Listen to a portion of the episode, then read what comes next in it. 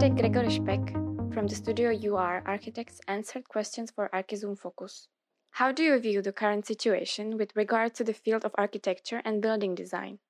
We are currently facing the second wave of the pandemic, uh, so it's not completely new to us. In the beginning, first wave of the pandemic, it was kind of challenging and new for everybody. But um, a new situation doesn't necessarily mean that it's uh, that it's bad. That it's a bad thing. Every every change uh, in circumstances offer the possibility or the opportunity uh, for innovation and to create new um, stereotypes in uh, building or interior design. Uh, it has also a big impact on um, on the process, of course, of the process of how we create architecture, how how we design, and of course, um, it was a change in comfort, the comfort we used to have in everyday life, in work life, and also at home. What we also have observed is a is a major drop in in uh, in tender offers. In um, while there seemed to be um, more of a fair competition before the pandemic, now we see that uh, we witness that companies now win the tenders, which are offering like up to minus 30% of the price. Uh, some even go down to minus 50%. Is it wrong? Uh, I think it's it's definitely undervaluing our profession and our work. So we should we shouldn't we shouldn't just uh, drop the prices just to survive. We should still have the focus kept on doing uh, doing good architecture. How will the current situation affect the work in your studio in the short and long term?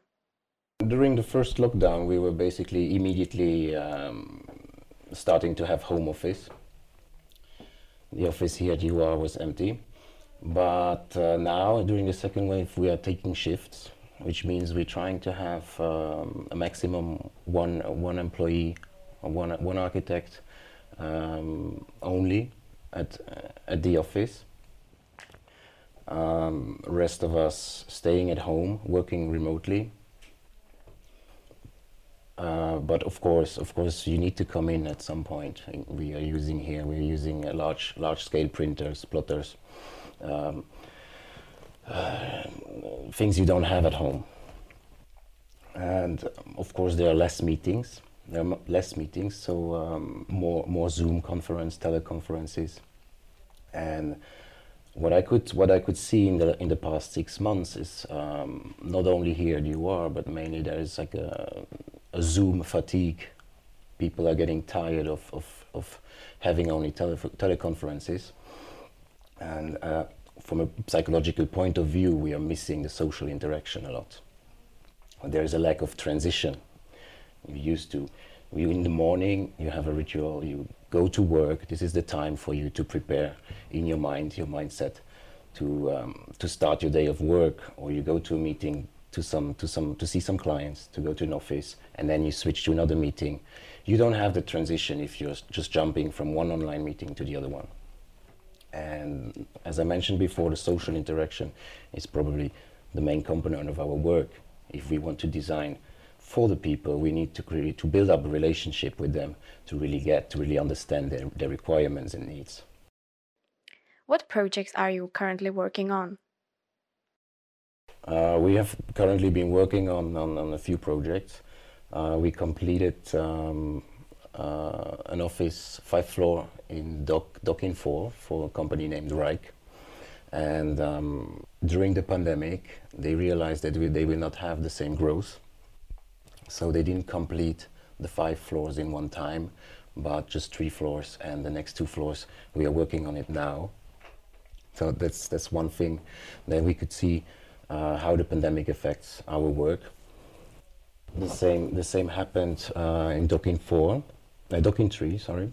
Docking 3, we were completing also an office for Productboard with the same topic, uh, that only one floor was, was um, completed and the other two in a later phase because the um, companies were expecting a much higher growth in, in employees, which they ob obviously now don't have.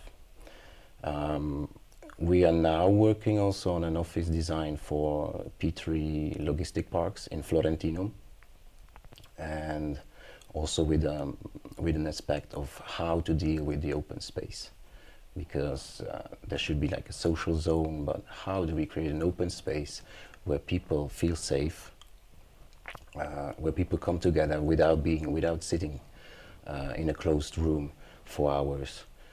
These are all thoughts that um, the companies come up with. I mean, it's not only it's not only architects. It's mainly uh, a general a general idea of, of the state that we are living in. And we were doing um, we are doing a lot of um, of shop fronts and facades for Penny. Like the Penny markets are going through a revitalization, a brush up. So we are uh, currently designing um, a new design, a new new brand design, let's say, for Penny. And supermarkets were fortunately not affected by by the crisis because they were. We continue to eat and drink.